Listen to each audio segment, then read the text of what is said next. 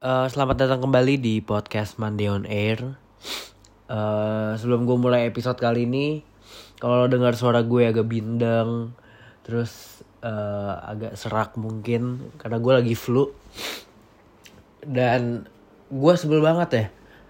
Kenapa harus flu-nya tuh deket-deket gue mau kuliah lagi gitu. Gue hari ini bakal kuliah gitu.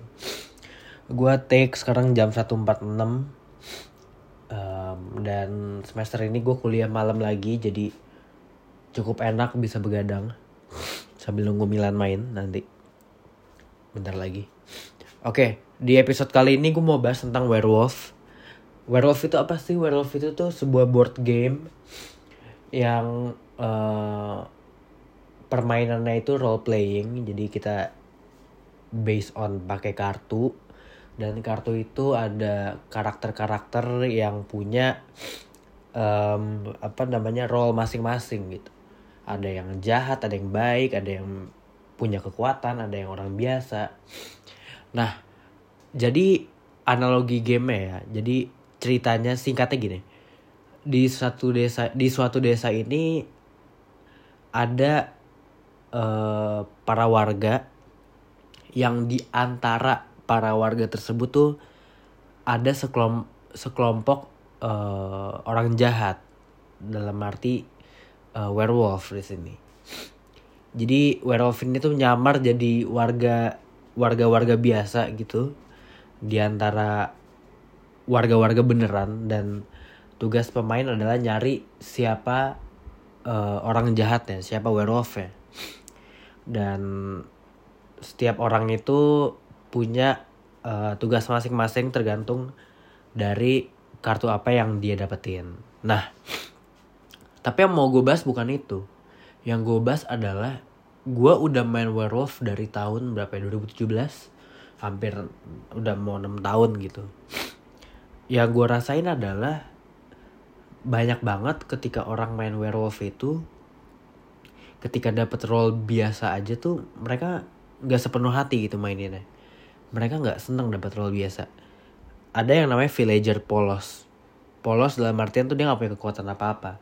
Sementara ada villager lain yang punya kekuatan gitu. Ada yang bisa ngelindungin warga lain ada yang bisa menerawang siapa orang jahat orang jahatnya gitu.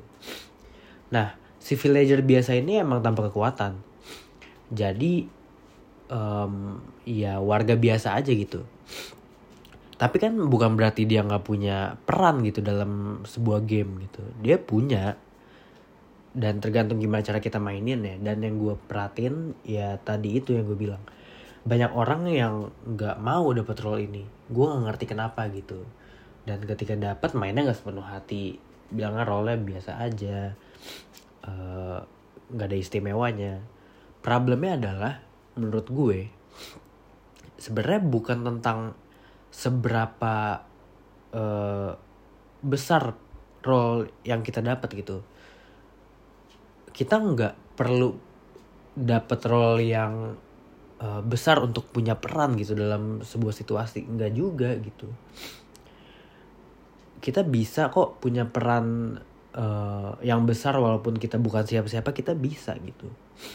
Semua tergantung dari kitanya gimana caranya kita mengaplikasikan role yang kita punya gitu. Nah, yang mau gue tarik lebih jauh adalah situasi ini tuh bisa dipakai uh, dalam banyak hal gitu, nggak cuma game. Di, game ini tuh cuma salah satu contoh kasus aja gitu.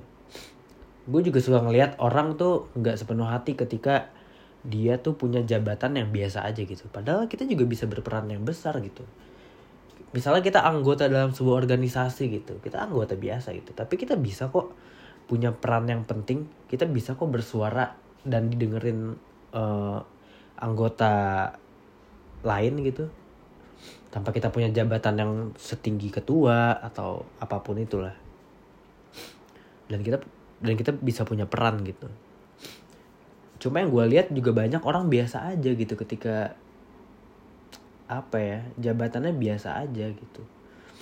Mereka kerja sesuai jabatannya ya oke okay, gitu nggak apa-apa. Tapi bukan berarti kita nggak bisa mm, apa ya push to the limit lah istilahnya. Kita bisa maksimalin itu kok. Dan gue suka mikir gitu oke okay, kalau lu maunya role yang besar gitu katakanlah lu pengen jadi werewolf lu pengen jadi orang jahatnya lu pengen jadi bodyguard lu pengen jadi sir oke. Okay. tapi ketika lu dapat role itu emang lu bisa maininnya? Pertanyaan gue tuh itu gue selalu punya pertanyaan itu gitu. Karena gue tahu ada orang yang punya kapabilitas untuk mainkan role itu ada orang yang nggak punya kapabilitas gitu. Dan sering kali orang yang nggak punya kapabilitas yang pengen punya peran punya eh bukan punya peran punya role yang besar punya jabatan yang besar mungkin.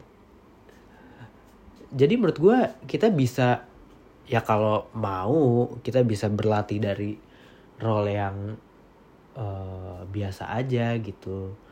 Maksimalin cara mainnya gimana. Sampai akhirnya ketika kita dapat role yang kita mau kita bisa ngejalanin gitu. Ya walaupun dalam game kan itu silih berganti ya. Karena kan setelah game berakhir kita kocok kartu lagi dapat apa beda-beda um, tapi itu bisa diaplikasikan di dunia nyata gitu kita pengen jadi ketua kita pengen ini pengen itu pengen itu pengen itu.